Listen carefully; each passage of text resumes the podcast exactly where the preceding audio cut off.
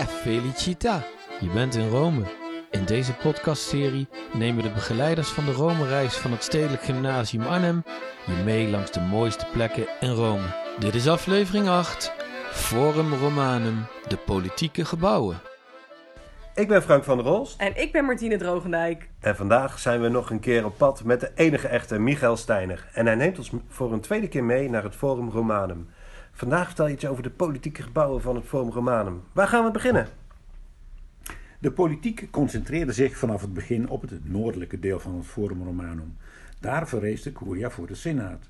De open ruimte ervoor werd al in de zevende eeuw als plaats voor de volksvergadering ingericht, het Comitium. Dus daar staan we nu op het comitium. Daar zijn we, inderdaad. En aan de zuidkant van het Comitium werd de rostra gezet, vanwaar de politici toespraken tot het volk hielden. Het Comitium was exact noord-zuid georiënteerd. In oude tijden was het plein ook als een grote zonnewijzer ingericht. En herauten riepen de tijd om. Hora prima, bij zonsopkomst, en hora duodecima, bij zonsondergang. Om twaalf uur 's middags richtten ze hun gezicht naar het zuiden en verkondigden hora sexta, het middaguur.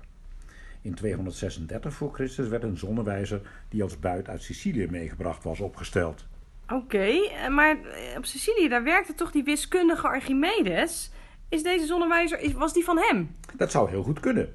Hoewel ook wel verteld wordt dat een Romeinse soldaat uit onwetendheid de geleerde doodsloeg. Nou, gezellig. Hilarisch vind ik dat in de 8e eeuw na Christus op het forum, ik doe het fout, op het comitium van de heidenen nog de pauskeuze plaatsvond in bijzijn van de toegestroomde bevolking. Tjonge. Dan de curia, het senaatsgebouw. De eerste curia dateert uit de 7e eeuw. Wacht even, dat, je bedoelt dat grote gebouw met al die bakstenen zo? eh, Eh, ja, dat hè? grote vierkante Ja, bakstenen gebouw. Het is zo goed bewaard omdat er een kerk in gebouwd was. Herhaaldelijk moest herbouw of nieuwbouw uitgevoerd worden, meestal vanwege brand. In de eerste eeuw voor Christus was een volledige herinrichting van het forum nodig vanwege de groei van de bevolking. En het kwam dus niet slecht uit dat de curia in 52 weer afbrandde. Dat is een heel verhaal dat nog een leuk, interessant staartje heeft. Oh, vertel. Het ging zo. Bij politieke rellen werd een zekere Clodius gedood. Zijn woedende partijgangers brachten zijn lijk naar de curia, richtten in de ingang een brandstapel van meubilair en boekenkast op en verbrandden smans lichaam bij wijze van eerbetoon. Daarbij ging de hele curia in vlammen op. Caesar gaf opdracht tot nieuwbouw, maar pas Augustus heeft alles voltooid. Daarom werden senaatsvergaderingen elders in de stad gehouden. Op de Iden van maart 44 kwam de Senaat bijeen in de Curia van Pompeius, Caesars tegenstander. En daar, naast het beeld van Pompeius, werd Caesar door 23 messteken gedood. Grappig is dat Shakespeare al deze details niet kende toen hij Julius Caesar schreef. En hij dacht ook dat de Curia op het Capitool stond. Joh, is, hij nog nooit in Rome geweest dan? Nee, hij is nooit in Rome geweest. Augustus plaatste, na zijn overwinning op Cleopatra in 31, in de Curia een beeld van Victoria op een wereldbol, als symbool van Rome's macht over de hele wereld. En voor dat beeld moesten de senatoren voor elke vergadering wijn en wierook offeren. Uiteindelijk heeft de christelijke keizer Theodosius, na heel veel gedoe en gesteggel, in 392 het beeld verwijderd. Saillant detail is dan dat Karel de Grote die wereldbol, maar nu zonder Victoria, weer als symbool gebruikte. Nu werd het Rijksappel genoemd en het stond weer voor de wereldheerschappij. Ah, interessant zeg.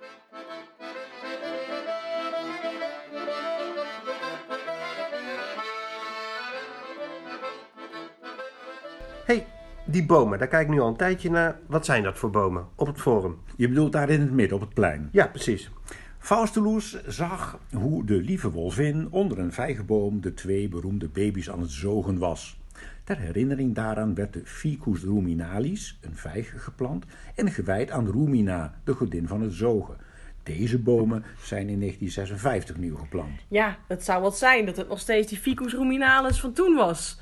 Eh, maar een godin voor het zogen. Geinig, joh. Waren er meer van zulke godinnen? Ja, je had bijvoorbeeld Domiduca, die weggelopen kinderen terugbracht, een soort Amber Alert avant la lettre. En je had Statina, die erbij was als kinderen gingen staan en lopen. Echt, wel wat leuk. hey, eh, waar gaan we nu heen? Wat komt nu? Als je links achter de boog van Septimius Severus kijkt, dan zie je de resten van twee tempels onder de bogen van het tabularium. De ene met de drie zuilen is van Vespasianus. De andere waarvan alleen het fundament te zien is, is de tempel van Concordia. Hij heeft ook met politiek te maken.